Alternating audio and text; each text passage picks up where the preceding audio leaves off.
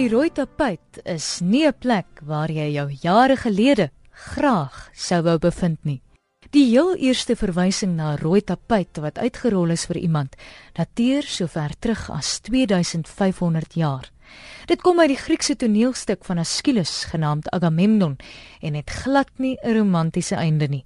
In die toneelstuk keer koning Agamemnon triomfantlik terug van die Trojaanse oorlog en word verwelkom met die rooi tapuit wat voor hom uitgerol is. Die glansryke geleentheid is deur sy vrou Clytemnestra gereël. Clytemnestra was klaar blykblik nie so bly om Agamemnon te sien nie en het ander planne gehad. Terwyl hy die bloedrooi tapuit afloop, het sy sy moord stapsgewys beplan. Agamemnon het skynbaar 'n voorgevoel gehad. Hy was maar taamlik ongemaklik om 'n tapuit wat hoofsaaklik gebruik is om gode soos Zeus te vereer, te wandel. Dit was inderdaad 'n pad gesaai met dubbeltjies. Agamemnon sê self: "Ek is bloot net 'n sterflike man en kan nie loop op hierdie weg van glans sonder vrees op my pad gesaai nie." Agamemnon is skielik getref deur 'n harde hout in die kop en hy skort hierna Bokveld toe.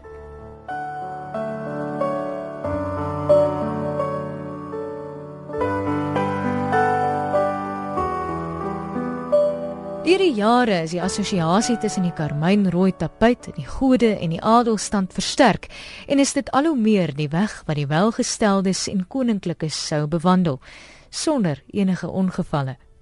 Die tapuit maak gereeld sy verskyning in die Renessans tydperk en is veral te sien in skilderye van die gode, heiliges en adellikes.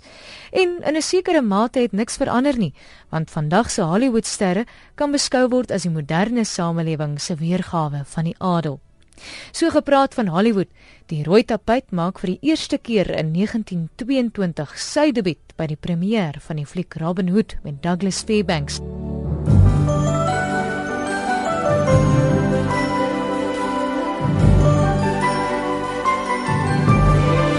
In die dekades wat sou volg, sou die hoogrooi geleentheid een van die min plekke wees waar die publiek die roem van die silwerdoek soos Clark Gable, Jimmy Stewart en Grace Kelly te sien kon kry. Vandag is die grondbedekker van so 1 en 'n halwe kilometer steeds sinoniem met die Oscars.